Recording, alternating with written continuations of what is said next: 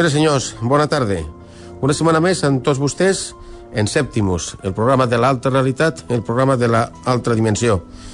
Este cap de setmana, ahir dissabte i el divendres vam tindre uns aconteixements molt importants aquí a la Ribera d'Ebre i més concretament a Mora la Nova.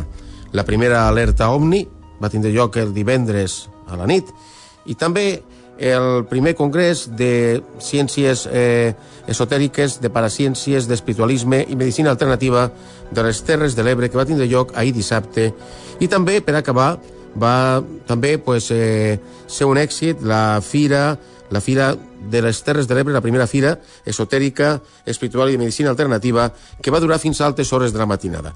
Tot això i molt més els tindrem complida informació la propera setmana eh, més, amb, amb més eh, ganes i sobretot perquè la nit ha sigut llarga i nosaltres pues, bueno, pues no hem tingut temps de preparar el reportatge adient per portar-los a terme a vostès. La setmana que ve, tota la informació en el programa Sèptimus.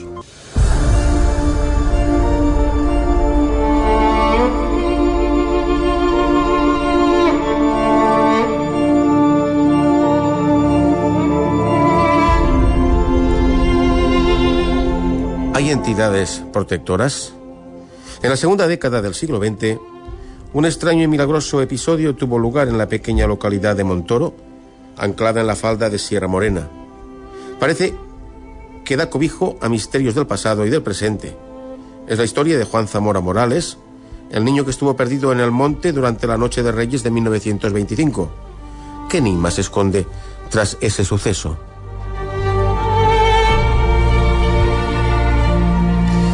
El 5 de enero de 1925, Montoro, pequeño pueblo anclado al pie de Sierra Morena, quedó asombrado por un episodio que tuvo lugar en sus aledaños, dejando un enigma que tras 87 años sigue sin resolverse. En noviembre de 2008, tras meses de investigación y seguimiento, dimos con el paradero del protagonista de 86 años de edad. Se mostró en todo momento atento a nuestras indicaciones e ilusionado por nuestro interés en conocer su historia. Un capítulo de su vida que siempre retuvo en su memoria, resultándole, cuando menos, curioso que existiesen cosas o casos parecidos al suyo, pues desconocía el resto. El anciano nos abrió las puertas de su casa y tras cruzar un estrecho y oscuro pasillo, llegamos a una sala de estar donde se podían ver diferentes retratos de fotografías de antaño. Nos invitó a tomar algo y a sentarnos en los sofás que rodeaban una antigua mesa redonda. Se sentó frente a nosotros y sin más preámbulos empezó a relatarnos su historia. Esta historia, antes de continuar, viene dada por David y Germán Tenoiro, que son dos hermanos que, bueno, visitaron a, a este anciano al protagonista de nuestra historia allí en Sierra Morena. Es un reportaje que los hemos, lo hemos podido entresacar de la revista Enigmas y que por su importancia y su curiosidad nosotros aquí se lo transcribimos. Pero vayamos a la historia. Mi nombre, dice, es Juan Zamora Morales y lo que os voy a contar me pasó cuando tenía tres años de edad el 5 de enero de 1925, nos relata Juan con expresión seria. Yo iba acompañado de mi hermana mayor, Isabel, a ver a mi tío cuando nos encontramos con un vecino llamado Antonio, con el que siempre estábamos de broma, y le gustaba asustarnos con antiguas historias del campo y leyendas de la zona. Empezó a gritar y a decirme que me iba a llevar con los monstruos que tenía encerrados en su corral, y me asusté mucho. Al escuchar esos gritos, el niño salió corriendo por los matojos y árboles de la sierra, alejándose de su entorno sin saber regresar. Pronto se inició la búsqueda por parte de su familia y vecinos de cortijos cercanos sin obtener resultado. Cayó la noche y Juan seguía sin aparecer, ajeno al peligro que representaba el estar solo en la madrugada sin un lugar donde pasar desapercibido y refugiarse del intenso frío. Busqué un lugar donde refugiarme y algo para taparme, pues hacía mucho frío. Continuaba relatándonos Juan con cara de reflexión y extrañeza. Encontré un capazo roto que utilicé para cubrirme y me metí en una choza en ruinas sin techo. Tenía mucho miedo y lloraba por no estar con mis padres y mis hermanos en mi casa. Tras la intensa e infructuosa búsqueda por parte de su familia y varios vecinos, fue hallado a la jornada siguiente, Día de Reyes, por la tarde, en el paraje conocido como Arroyo de las Puertas por Pepe el Guarda. El hombre lo arropó bajo una manta y lo llevó al encuentro de su familia. Nadie daba crédito a lo ocurrido. Al interesarse por cómo había pasado la noche, sus palabras fueron sorprendentes. Una mujer guapa, vestida de blanco, me arropó y cuidó durante la noche. Me decía que no tuviera miedo, que me quería mucho, y estaba allí para acompañarme y llevarme con mi madre, que pronto estaría en casa junto a mi, familia. Pese a ser invierno, con temperaturas bajo cero y no tener nada con que toparse o refugiarse del frío y el hielo, Juan se encontraba en perfectas condiciones. Muchos fueron los que exclamaron que aquello fue fruto de un milagro de la Virgen de la Cabeza, siendo conocida por toda la zona la historia de Juanito, el niño que fue arropado por la Virgen en Sierra Morena. No recuerdo nada más, nos relataba Juan tras 86 años de lo ocurrido. Solo lo que siempre me han contado mis padres y hermanos. Lo que os puedo decir, y de eso sí que estoy seguro, es que fue, para mí, una experiencia muy extraña. Pasé de tener mucho miedo y angustia a tener una sensación de tranquilidad y de paz acompañado por esa guapa y buena mujer.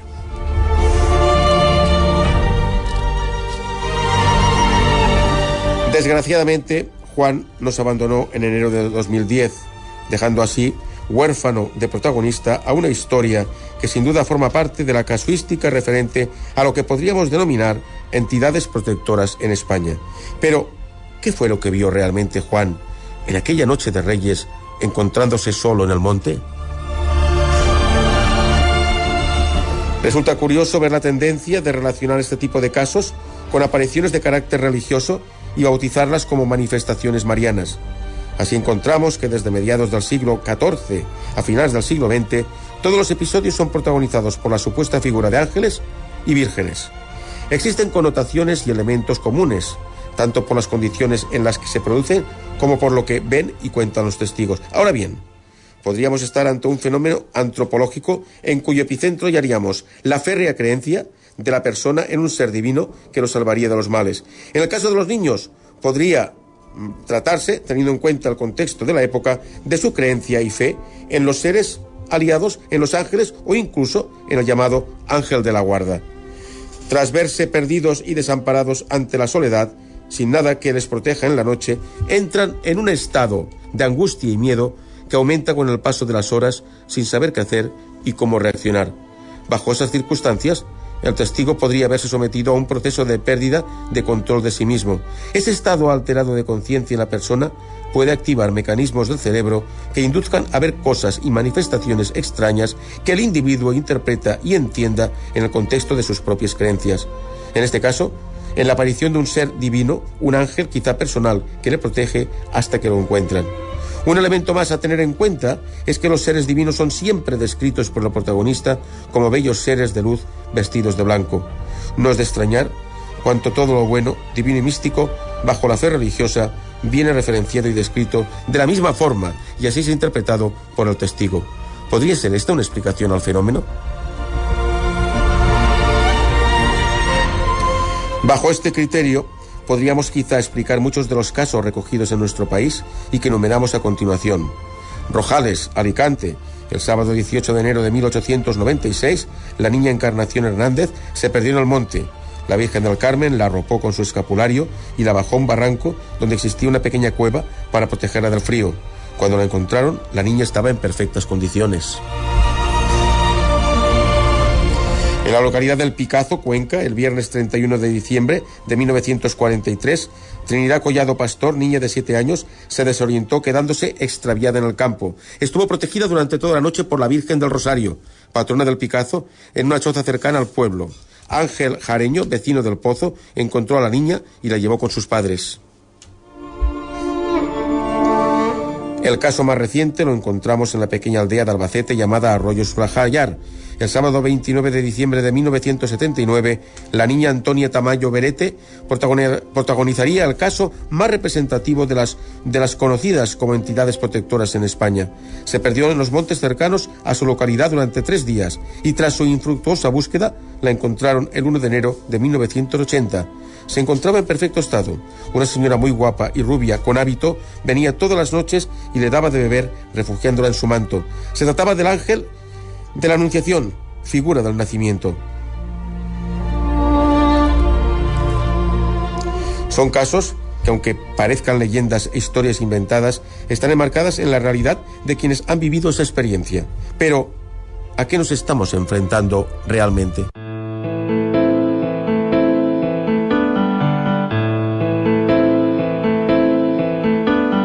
I seguim, seguim endavant en el nostre programa amb un tema realment interessant, l'autocuració conscient. Como herencia residual de nuestros antepasados más primitivos, tenemos la capacidad de almacenar combustible de una forma ilimitada en previsión de épocas de escasez de alimento, de frío y de trabajo duro. Actualmente seguimos comiendo cada día como si fuese el último y además la mayor parte de las horas nos la pasamos sentados. El resultado son kilos de más y un exceso de residuos metabólicos que somos incapaces de eliminar. Cuando ingerimos nutrientes por encima de nuestras necesidades calóricas, estos se acumulan en forma de grasa. Tanto los aminoácidos como la glucosa, en exceso, se transforman en ácidos grasos que junto con los lípidos de la dieta engrosarán nuestro tejido adiposo.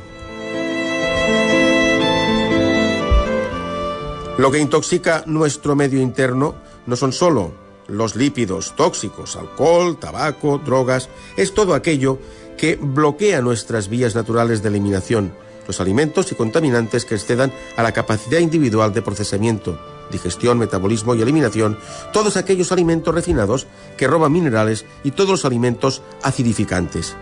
Cuando el hígado es deficiente en su trabajo y los riñones no eliminan bien, las toxinas se acumulan como desechos orgánicos que no se depositan en un solo lugar, sino que circulan por todo el cuerpo. Todo el organismo sufre la sobrecarga, pero como cada persona tiene su punto débil, es allí donde aparecerá la crisis visible y dolorosa. Aparecen un montón de síntomas de alarma que nos indican cuándo hay una sobrecarga de los mecanismos de eliminación del cuerpo y un principio de intoxicación general. Cuando nos levantamos por la mañana, estos síntomas son intensos. Desaparecen en cuanto se toman alimentos o estimulantes, café, té, chocolate, azúcar, que inhiben el trabajo de los órganos emuntorios de eliminación. Se obtiene entonces una sensación de mejoría inmediata, aunque al precio de agravar la intoxicación. Las acumulaciones se distribuyen por todo el organismo, siendo en la parte alta de nuestro cuerpo donde se acumularán los componentes más eh, más complicados y en la parte baja los menos. En la periferia los más complicados y en el interior los menos. Así en los niños, energía ascendente, las acumulaciones predominan en las partes altas y periféricas y se agravan al tomar alimentos muy, muy deficientes como azúcar o Coca-Cola. Por eso son tan abundantes entre los más pequeños los catarros nasales, las otitis, las faringitis, las amigdalitis, las conjuntivitis, etc. En los adultos predominan en las partes medias y bajas, pulmones, eh, manos, órganos sexuales, durezas y eh, callosidades en los pies. La salud es un tema de gestión personal doméstica en la cocina de cada hogar. No es un tema que haya que resolver en el hospital. No es el hospital el lugar donde vamos a encontrar la curación a la salud. Las herramientas para crear salud son varias, son simples y son muy económicas. Todos las podemos usar. Herramientas tan simples como elegir lo que comemos, elegir cómo preparamos lo que comemos. Sin salud, todo lo demás pierde sentido. ¿De qué sirve un viaje si uno tiene que andar con una sonda o con un macapasos o inyectándose insulina cada dos horas? El tesoro más importante es la salud. Es cierto que hay un capital de salud que depende de la herencia genética. Hay personas que heredan una complexión física muy robusta. Son esos típicos de los que se dice, este come de todo, fuma, se da todos los gustos y anda estupendo. Esa gente tiene una salud heredada, pero se agota a partir de los 40 años, que es la edad crítica. Se termina, la única forma de mantenernos sanos es autogenerando y creando, porque entre 0 y 40 malgastamos ese capital. La gente que tiene más capital abusa más. Otras personas que tienen una salud frágil la protegen y miman con más cuidados. Ellos están acostumbrados a cuidarse, entonces tienen ya otro tipo de conducta. Es un poco la historia de la liebre y la tortuga y que siempre gana la tortuga.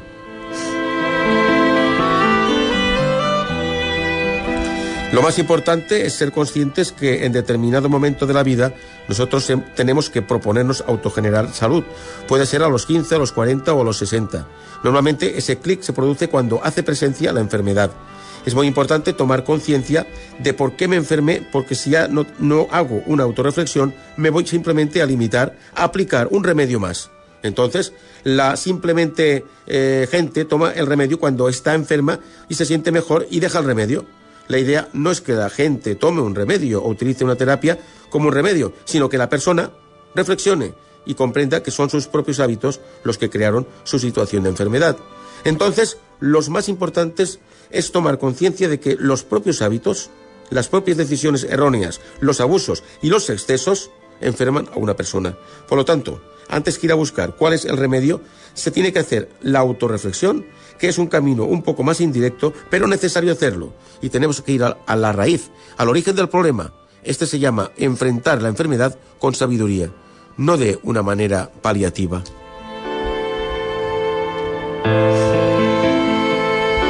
Aprender a alimentarse de una manera natural fisiológica y biológica, como hacen las culturas ancestrales, porque no se trata de modas, sino simplemente de tomar tradiciones que se han demostrado que funcionan, como en India, China, Japón. Las culturas originales de América que tienen un modelo, tienen una forma de comer que los, que los hace diferentes y que entonces la curación se produce de forma espontánea y natural. Es necesario hacer un clic y cambiar los hábitos, pero no todo el mundo está dispuesto. Es más cómodo el mínimo esfuerzo. El remedio rápido que calme los síntomas y tape las causas que provocan la enfermedad. Si tomamos los alimentos que nos corresponden biológicamente, nuestra vida fluirá armoniosamente. Tener buena salud es el camino de la libertad para la realización de nuestros sueños.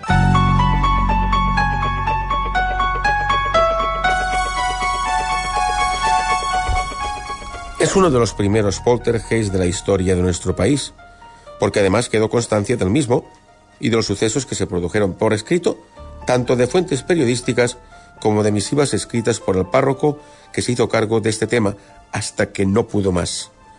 Lleva por título La casa del demonio. Las casas están vivas, es algo que todos sabemos. Nos lo dicen nuestras terminaciones nerviosas. Si guardamos silencio, si escuchamos, podemos oír como las casas respiran. A veces en la oscuridad de la noche las oímos gemir, Parece que tuvieron pesadillas y otras cosas. Una casa buena nos mece y nos consuela, pero si es mala, nos llena de un desasosiego instintivo. Las casas malas nos detestan y nos atraen con engaños. A ese odio ciego hacia nosotros es al que nos referimos cuando hablamos de una casa encantada. Una casa es un cobijo, un cuerpo con el que cubrimos nuestro ser. Del mismo modo que nuestros cuerpos envejecen, envejecen nuestras casas. Del mismo modo que nuestros cuerpos las casas también contraen enfermedades. ¿Y la locura? Si en su interior viven personas que han perdido el juicio, ¿no se impregnan de esa locura sus habitaciones, sus paredes, sus pasillos, su propia estructura? ¿No tenemos la sensación de que a veces la locura nos tiende sus brazos? ¿No nos referimos a eso cuando decimos que una casa es inquietante y está plagada de espíritus? Decimos que es una casa encantada, pero lo que realmente queremos decir es que ha perdido el juicio. De este modo da comienzo una de las citas de terror más alucinantes de cuantas se hayan realizado nunca. Red Ross, una adaptación de la novela del genio del género Stephen King, que describe magistralmente el lugar más íntimo para una persona, su propia casa. Ahora bien, ¿y si ese lugar en el que nos sentimos protegidos se revuelve de la noche a la mañana contra sus habitantes? ¿Y si unos visitantes a los que nadie ha invitado comienzan a hacernos la vida imposible sin que veamos su forma física? Algo parecido ocurrió en la pequeña aldea coruñesa de Ayllons, algo tan extraño y contundente para que una humilde casa del lugar haya pasado la historia como la casa del infierno.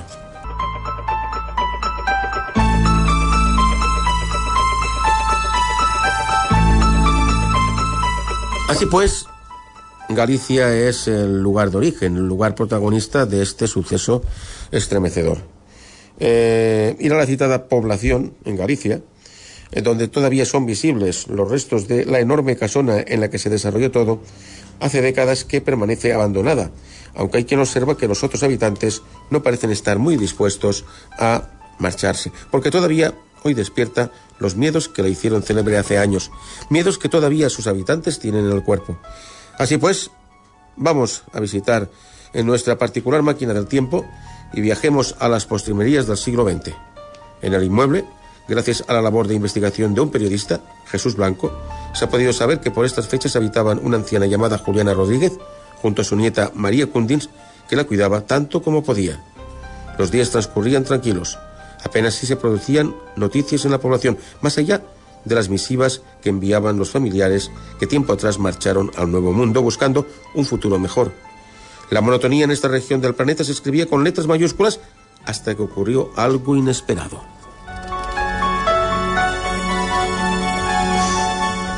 Primero fue la muerte del marido de Juliana y poco después unos misteriosos fenómenos que a día de hoy siguen sin explicación. Fue de repente inesperado. Ambas mujeres, ante las extrañas percepciones que aseguraban sentir, acudieron al auxilio del párroco local Juan Antonio Combarro. Este, tiempo después, daría debida cuenta de aquellos esporádicos sucesos en una carta que remitió al periodista Prudencio Landín. En la misma, en sus primeras líneas, dejaba entrever el escepticismo inicial con el que se tomó el tema. Como era natural, yo principié a reputar su narración por cuentos de viejas, teniendo yo prevención contra tales narraciones y en casi la totalidad de los casos oposiciones de alucinados. Así pensaba hasta que acudió con abuelo y nieta a la casa encantada y entonces, de repente, cae ante mis ojos una piedrecita con suave proyección al suelo. Algo me alarmó y avivó mi diligencia para examinar la posibilidad de una causa natural. No se hizo esperar mucho la caída de otra piedra en condiciones que me hizo dudar en forma. Muy pronto cae a mi lado una maceta y luego una mano de un paraguas trastos abandonados que no sabía que existiesen en la casa. Para disipar mis dudas, se posan como unas seis o siete patatas con suave proyección que en una piedra a nivel apenas se esparramaron, siendo esféricas como se sabe, y con toda evidencia quedé convencido de que la cosa era prodigiosa y las narraciones de las ancianas y más vecinos eran la verdad. El sacerdote después de aquel episodio decidió que no volvería a pisar aquel suelo maldito, pero no dudó a la hora de hacer llegar al cardenal arzobispo de Santiago una crónica detallada de lo ocurrido, a fin de que fuera el purpurado quien determinase qué actuaciones debían llevar a cabo. La noticia cundió como la peste por toda la comarca, y pronto hubo quien bautizó el enclave con el sugestivo nombre de la Casa del Infierno, o mejor dicho, la Casa del Demonio, porque poco era lo que de bueno se manifestaba en el hogar de Juliana, tal y como aseguraban quienes difundían la información cada vez con mayor dramatismo. Los medios se hicieron rápidamente eco de la historia, ofreciendo extensas páginas en las que reflejaban los misteriosos sucesos que supuestamente estaban acaeciendo en la aldea de Jones.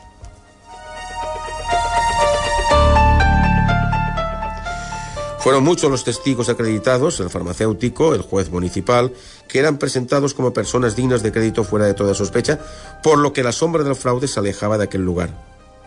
No tardó en ser abandonada la casa porque sus habitantes no podían más con la desasogante situación. Pero desde ese instante, su leyenda no ha hecho más que crecer, porque alrededor de la misma se han producido misteriosas muertes, supuestos fenómenos poltergeist y el que quizá es el punto más aterrador, la aparición de un siniestro monje que se pasea por un lugar que hoy aparece vestido de ruina. Hay fenómenos paranormales realmente estremecedores el que vais a escuchar ahora, o el que van a escuchar ahora, realmente lo es. Supongo que muchos de ustedes habrán visitado un parque de atracciones, pero no un parque de atracciones embrujado. Torpe Park. Un parque de atracciones embrujado. Ruidos de trenes inexistentes, susurros y voces sin identificar y extrañas presencias vigilantes son algunas de las misteriosas manifestaciones que, según los trabajadores del Parque de Atracciones británico Torpe Park, tuvieron que soportar durante las obras de instalación de una nueva atracción. Pero, ¿qué ocurre realmente en ese lugar?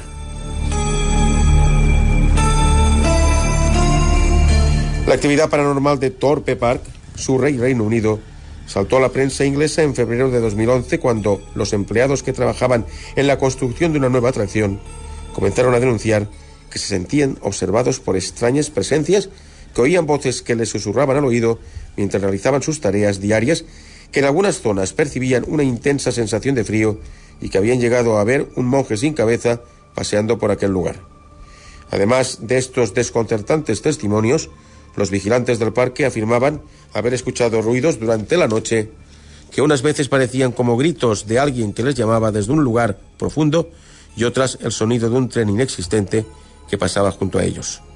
Ante esta serie de extrañas incidencias, que además provocaron la paralización de las obras de una nueva atracción, la empresa británica Merlin Entertainment, propietaria del parque de atracciones, requirió la presencia de expertos en fenómenos paranormales.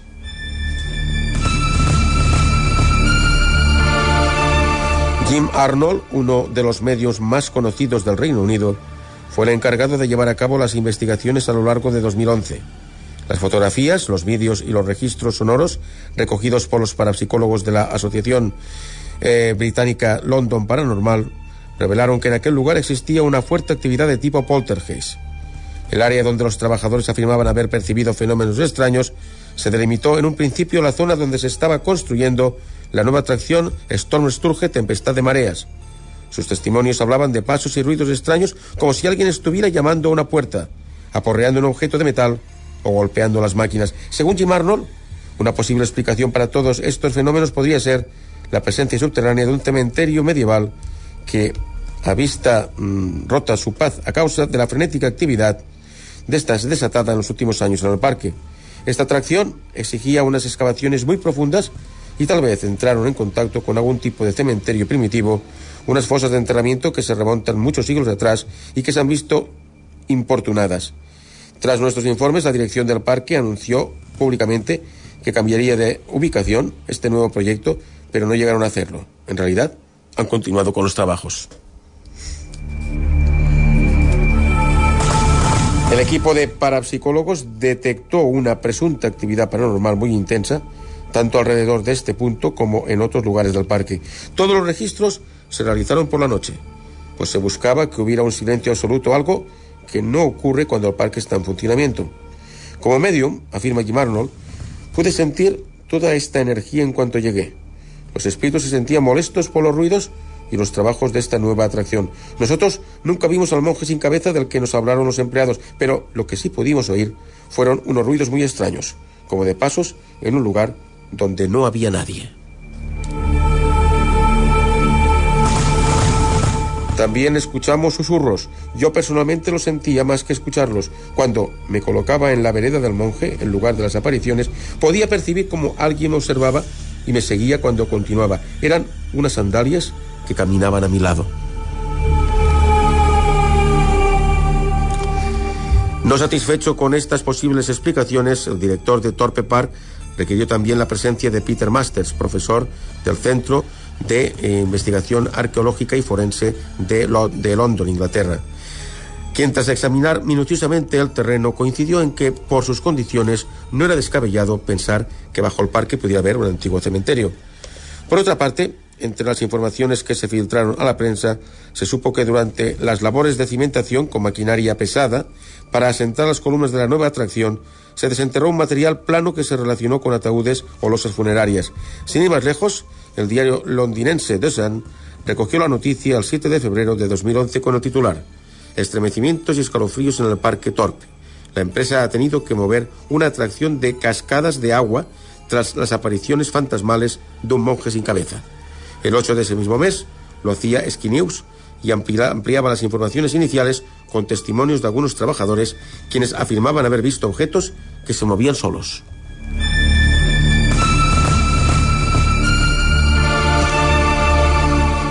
No es la primera vez que este recinto se ve envuelto en la polémica. No ha estado exento de otras situaciones anómalas. Desde que abrió sus puertas a finales de la década de los 70, Torpe Park se ha especializado en atracciones de terror. Némesis Inferno, La Bruja Maldita, Fantasía Fantasmal, La Sierra Sin Salida, son solo algunas de las más conocidas. Un extraño incendio afectó en julio de 2000 a varias de estas atracciones y obligó a la evacuación precipitada de 7.000 personas. Afortunadamente no hubo que lamentar víctimas, pero el incidente puso en guardia a la dirección del parque, sobre todo porque la causa nunca quedó esclarecida. Dos investigadores diferentes elaboraron informes por separado y en ambos se sugería la existencia de un lugar sacramental bajo Torpe Park y se recomendaba estudiar el subsuelo para comprobarlo. Sin embargo, no se llegó a profundizar en el asunto. Si existe o no un camposanto bajo el parque, Torpe sigue siendo un enigma y la empresa no parece dispuesta a averiguarlo. Es comprensible. En caso de que se confirmara esta hipótesis, generaría un montón de problemas burocráticos, logísticos y económicos, pues se tendrá que realizar una inhumación oficial de los restos.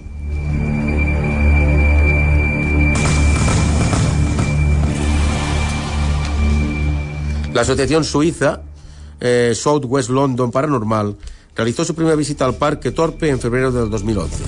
Jim Arnold dividió a su grupo en tres equipos que distribuyó en diferentes puntos del parque, lo suficientemente separados unos de otros para que no se interfirieran entre sí. En total se investigaron seis atracciones, el teatro del parque y algunas dependencias administrativas.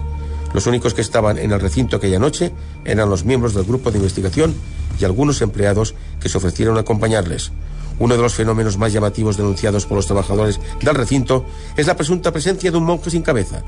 Jim Arnold siempre se ha mostrado incrédulo y aclara que ellos nunca llegaron a ver al supuesto monje descabezado. Es más, sugiere que es posible que esto responda a una simple promoción publicitaria del parque. Nuestro trabajo se limita a registrar, estudiar y consultar los fenómenos paranormales que pudimos detectar. Realizamos fotografías, escuchamos y grabamos sonidos de muy diversa índole y conectamos con los espíritus que se quisieron manifestar. Observamos hechos tan inexplicables como la aparición y desaparición esporádica de formas luminosas y de sombras en uno de los túneles del parque y registramos el sonido de pasos en una escalera donde no había nadie. Emma, una de las componentes de nuestro equipo, sintió como le susurraban claramente al oído y otra, Jane, pudo escuchar claramente voces que definió como radiofónicas. En la sesión de Ouija tuvimos oportunidad de contactar con presuntos espíritus, detalla Jim Arnold, uno de los tiempos pasados y otros prácticamente contemporáneos, y elaboramos un completo informe de todo ello. El informe de la Asociación South West London es muy completo. En él se detallan pormenorizadamente todos los procedimientos que se adoptó el equipo a lo largo de la noche que pasaron en Torpe Park, las sensaciones que unos y otros experimentaron, los comentarios que hacían ante las situaciones que vivieron, las supuestas conexiones que establecieron con espíritus de muy diversa índole y las presuntas conversaciones que mantuvieron con las entidades que quisieron manifestarse durante la celebración de la sesión de Ouija. El equipo tomó más de dos centenares de fotografías, algunas de ellas empleando cámaras con visión infrarroja, cuando procedieron a estudiarlas, se percataron de que en una de ellas aparecía una especie de silueta brillante como de alguien que les miraba desde un lugar oscuro, situado en el margen del campo de visión de la cámara y que no se correspondía con nadie del equipo. Es una silueta que se presta a diversas interpretaciones. Entre ellas, no se puede descartar que se trate solo de una acumulación de niebla. Lo extraño es que nosotros no la vimos en condiciones normales y es cierto que nos sentimos observados a lo largo de la noche. Esta silueta es como una forma que nos mira sin que nosotros hayamos podido percatarnos de su presencia hasta que la vimos en la foto. El equipo de Jim Arnold afirma haber contactado durante la sesión de Ouija con los espíritus que según él hay en el parque. Dicha sesión se realizó en el teatro del recinto. Según Arnold, en la misma se manifestaron varios presuntos espíritus. No tardó mucho tiempo en aparecer la primera presencia. Se trataba de un ingeniero que decía haber trabajado en el parque años atrás y que afirmaba haber muerto al caer desde un lugar que no pudimos determinar. El contacto fue muy breve y cuando posteriormente quisimos averiguar algo sobre él, nadie pudo darnos referencias. Otra de las presuntas presencias que se manifestaron durante la sesión de Ouija fue una monja que se encontraba atrapada en el tiempo. Pudimos deducir, explicarnos, que sufría dolorosos remordimientos por haber mantenido relaciones sexuales con un monje, posiblemente de la abadía de Chertsey, que se encontraba en este lugar. Nos confirma que estaba enterrada en el cementerio de la abadía y que no había muerto por causas naturales. En aquellos tiempos, romper los votos de castidad y hacerlos además con un monje era considerado sacrilegio, así que posiblemente la monja fue castigada con la muerte o incluso puede haberse suicidado. Le era imposible encontrar la luz. El espíritu de esta monja está perdido entre las atracciones del parque sin hallar el camino de salida.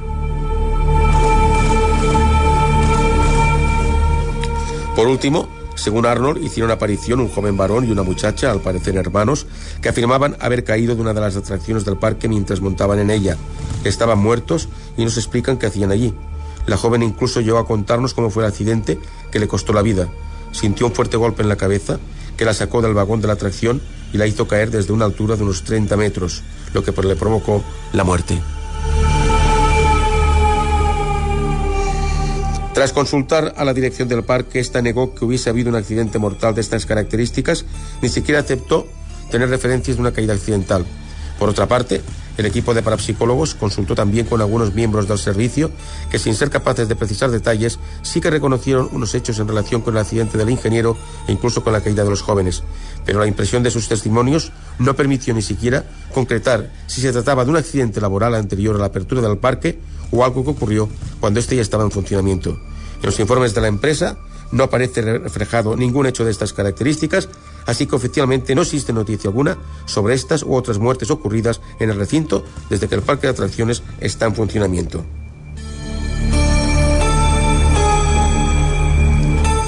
Los miembros de la constructora del parque que llevaban a cabo los trabajos de instalación de Tempestad de Mareas, una de las atracciones en las que se detectaron las supuestas manifestaciones de fenómenos extraños, llegaron a sentir pánico por los ruidos y las voces que afirmaban escuchar a su alrededor. Algunos de ellos han intentado definir lo que veían y escuchaban. Eran voces, unas voces cercanas y otras lejanas, como de alguien que estuviera llamando a alguien a gritos, declaró uno de los vigilantes del parque. Estábamos haciendo la ronda nocturna y nos extrañó escucharlas. Así que pensamos que provenían de alguien que había quedado encerrado en el parque tras el cierre o que había entrado clandestinamente en él. Pronto comprobamos que no había nadie en la zona, pero seguíamos oyendo las voces. No entendíamos lo que decían, sentíamos que había algo o alguien a nuestro alrededor y que lo que fuera se sentía importunado por nuestra presencia. Otros testimonios describen el ruido de un tren en marcha en un momento de la noche en el que todas las atracciones del parque estaban ya cerradas y no existía cerca ninguna vía de ferrocarril. Era como estar en una estación, comenta otro vigilante. Podía escuchar el ruido de un tren pasando, como si lo tuviera a mi lado, pero no había nada y eran las cuatro de la madrugada. Según Jim Arnold, durante la noche que pasó en el parque, una presunta supervisora fantasma que había sido miembro del equipo administrativo se manifestó ante él cuando su equipo visitó las oficinas. Se la veía muy ocupada, dice Jim en su informe, ordenando papeles en el escritorio y se quejaba de tener que estar siempre vigilando a los otros trabajadores, mirando por encima de su hombro para comprobar si hacían correctamente su trabajo. En esta ocasión, la empresa y los trabajadores sí confirmaron posteriormente la existencia de esta compañera, fallecida un tiempo atrás, que tenía esta obsesión por el orden y la vigilancia.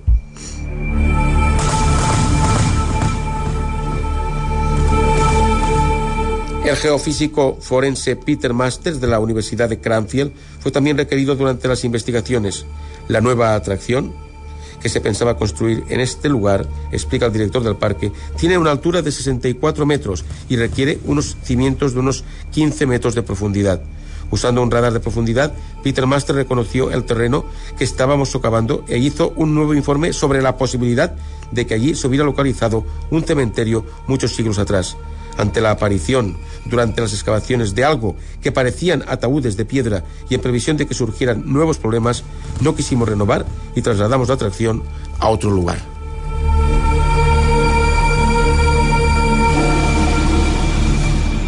Relato terrorífico el que hemos escuchado. Cuidado pues entonces con ir a los parques de atracciones si realmente pues ha estado bajo ellos un cementerio.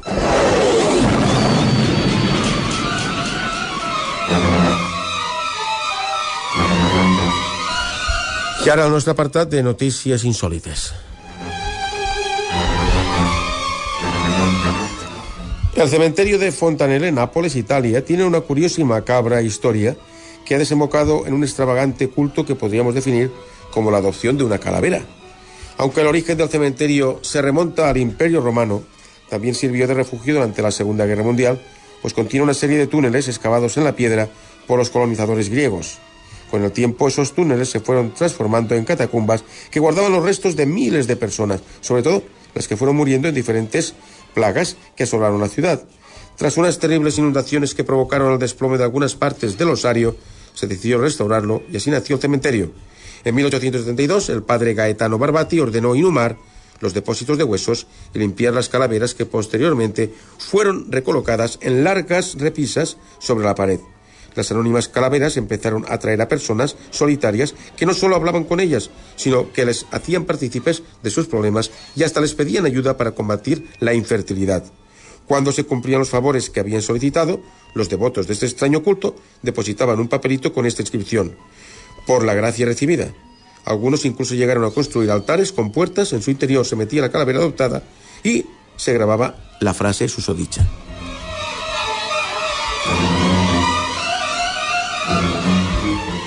Según Marcela Davis, una estadounidense residente en Cleveland, Texas, una enigmática silueta se coló en una de sus fotos. El suceso tuvo lugar a las puertas de un colegio de Cleveland cuando retrataba a su sobrino.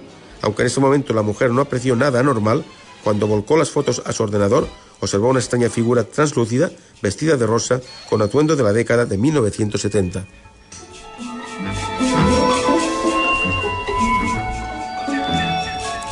Según un estudio realizado por investigadores de las universidades de California en Berkeley y Duke, en Durham, ambas en Estados Unidos, el interés por las religiones oficiales ha disminuido en aquel país de manera alarmante hasta niveles parecidos a los que había en la década de 1930, cuando comenzaron a llevarse a cabo este tipo de estudios de manera sistemática.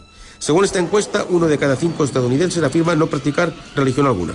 Conviene matizar que el estudio hace referencia a las religiones instauradas como tales, no a la creencia en un ser superior. Aunque el 20% de los entrevistados reconoció no seguir ninguna religión, los ateos únicamente constituyen el 3% de los encuestados.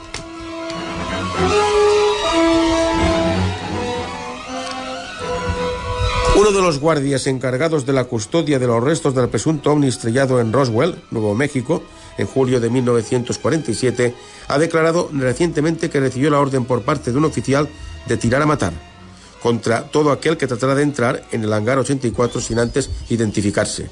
El octogenario de nombre Calvin Cox ha sido entrevistado por el ufólogo Anthony Bragalia, integrante de un equipo de investigadores que está tratando de contactar con los últimos veteranos vivos pertenecientes a la Fuerza Aérea y destinados en Roswell en aquella época. A Cox le ordenó que jamás se hablara del asunto. Sin embargo, ahora ha decidido hacerlo, por fin añadiendo con su testimonio reveladores datos que apoyan la hipótesis de lo que se mantenía bajo estricto secreto dentro del almacén militar no era un simple globo mogul. Fue concretamente el mayor Edwin Isley, jefe de la policía militar, quien ordenó a Calvin, dispara y mata a cualquiera que trate de entrar en el hangar que no está autorizado para hacerlo. Incluso se le proporcionó una ametralladora. Cox llegó a ver parte de los restos del supuesto ovni que le parecieron hechos de un metal muy brillante. Asimismo se da la circunstancia de que antes de morir, Esley, que prometió al presidente Truman no revelar nada sobre el asunto, aseguró a su familia que en el desierto de Roswell se estrelló realmente una nave y que pudo ver a las criaturas. Una novela publicada en 2002, escrita por Tom Lonergan, predecía el reciente atentado ocurrido en Boston. En Herbert Hill, el thriller del maratón del Boston, un grupo de terroristas de ultraderecha amenaza con colocar unas bombas durante esta carrera y un detective intenta desbaratar los planes de los extremistas. La idea se le ocurrió a Lonergan mientras participaba en la edición número 100 de esta prestigiosa cita anual y se basa en palabras del escritor en la agonía que experimentó a lo largo de la carrera por el miedo que le producía la idea de que detonasen una bomba en cualquier momento. I en el nostre apartat cultural d'avui pues, donem la ressenya de diversos eh, llibres que poden ser del seu interès. I també avui parlarem d'una pel·lícula, una pel·lícula interessant que també pensem nosaltres que els hi pot agradar. El primer llibre, La sombra del cardenal, de Jesús Ávila Granados, de la editorial eh, Rústica, El escritor, periodista y colaborador de Más Allá, Jesús Ávila Granados, quien por lo general nos tiene acostumbrados al ensayo, nos ofrece ahora una novela que versa sobre los misterios históricos que también conoce. El cardenal Cristófono Madrucho recibe un extraño regalo, la cabeza cortada de uno de los jefes militares del Principado Tridentino. ¿Quién ha cometido este crimen y por qué?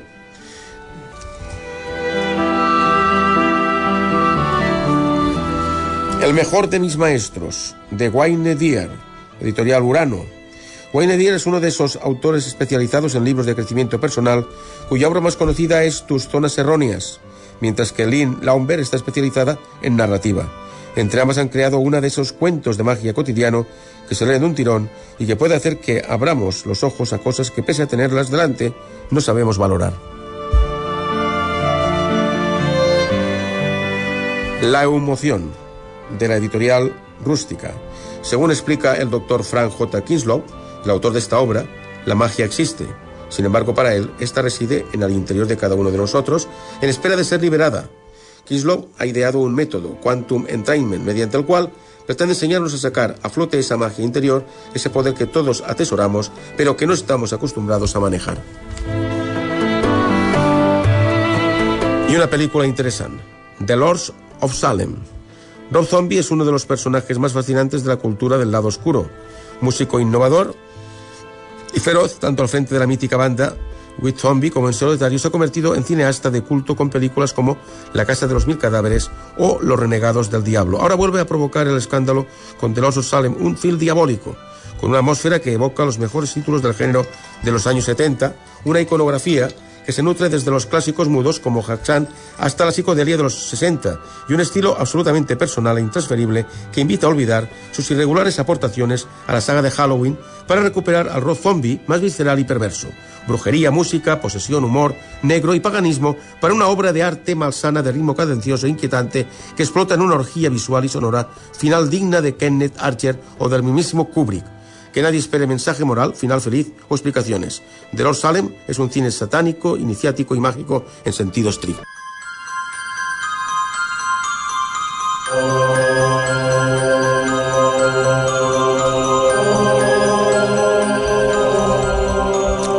¿Están preparados? Supongo que sí. Porque es difícil sentir lo que una persona pasa cuando está en su casa sola sentada en el sofá, en el sillón, mirando la televisión, cuando de repente oye que llaman a la puerta, pero no sabe quién puede ser, porque son las 12 de la noche. ¿Quién puede ser a esa hora? Te levantas atemorizado del sillón, porque esa hora de la noche solamente puede ser algo alarmante. Te diriges a la puerta, tranquilamente, miras por la mirilla y no ves a nadie. Comienzas a tener un poco de miedo, porque a esas horas de la noche, en invierno, y con una niebla espesa, una niebla espesa que hay en la calle, eso te invita a decir, aquí hay algo que no funciona bien. Pero, dando rienda suelta a tu imaginación, coges y dices, me vuelvo a sentar porque igual todo ha sido un espejismo. Pero, desde luego, que no ha sido un espejismo y tú lo podrás comprobar. Te sientas nuevamente para ver la televisión y en ese momento el programa que estás viendo parpadea y la televisión se apaga. Comienzas a tener miedo porque la luz que está tenuemente encendida, comienza a parpadear y se apaga también. Y nuevamente escuchas ese timbre de la puerta, ese timbre que por momentos se ha convertido en algo para ti que puede indicar que sea algo muy peligroso y aterrador. Comienzas a sentir pánico y miedo de verdad. Está todo oscuro y tú sentado en el sillón ves que estás inmóvil, que no te puedes mover porque, de verdad, has cogido mucho miedo. Pero intentando sacar la valentía de donde no la hay, te levantas, tanteando como puedes, intentas buscar esa luz, esa luz que no funciona porque el interruptor no funciona. Se fue la luz y tú decides, como puedas, ir tanteando hasta donde está el cuadro de la luz general. Pero tampoco funciona. Tienes que encontrar un mechero, una pila, algo para dar luz. Pero tanteando por allí, tropiezas y caes al suelo. Y nuevamente llaman a la puerta. Suena el timbre. Una, dos, tres veces. La cabeza te estalla por momentos. Gritas, gritas de desesperación, pero gritas también porque estás aterrado. Se para el timbre y ves, notas de que algo o alguien está cerca de ti.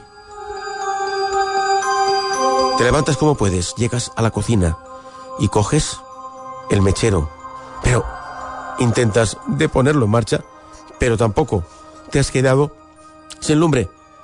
¿Cómo podrás salir de esta situación. Consigues llegar hasta una repisa donde tienes una pila. Por suerte, la linterna Funciona. Y enfocas. Pero nada. No ves nada ni nadie. Poco a poco caminando, intentando vencer a ese miedo, a ese terror que te atenaza, te diriges hacia la puerta, porque es allí donde suena el timbre. Al momento llegas, la luz sigue sin venir, sigue sin funcionar, llegas a la puerta, enfocas, enfocas y ves que algo o alguien está intentando abrir la puerta, porque una llave gira o intenta girar al paño de tu cerradura. Con la llave que tú tienes intentas dar la vuelta para que ese algo o alguien no pueda entrar. Y para mayor seguridad, te diriges hacia el piso de arriba, subes las escaleras, llegas al teléfono y intentas llamar a algún teléfono que te pueda ayudar. Algo o alguien ha entrado ya porque la puerta notas que se ha abierto.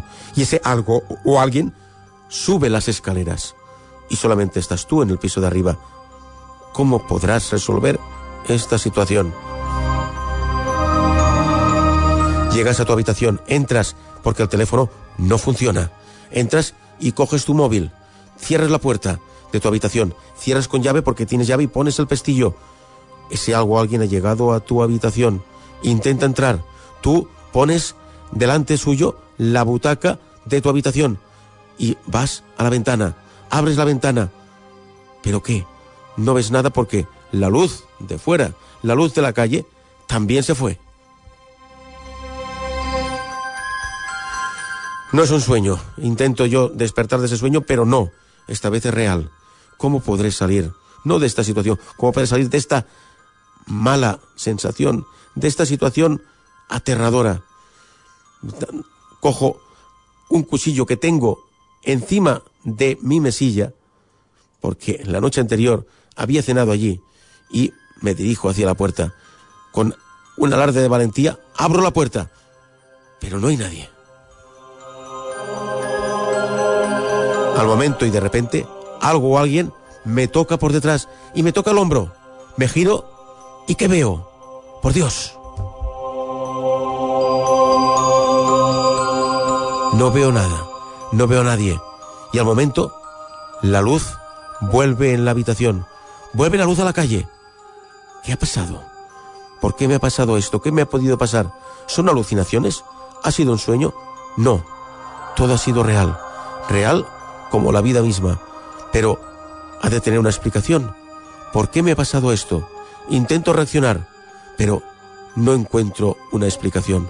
Pero algo de algo estoy seguro. He pasado mucho miedo. Ese algo o alguien está o estará allí para siempre conmigo y puede estar también con usted. Señoras, señores, buenas noches y hasta la próxima semana.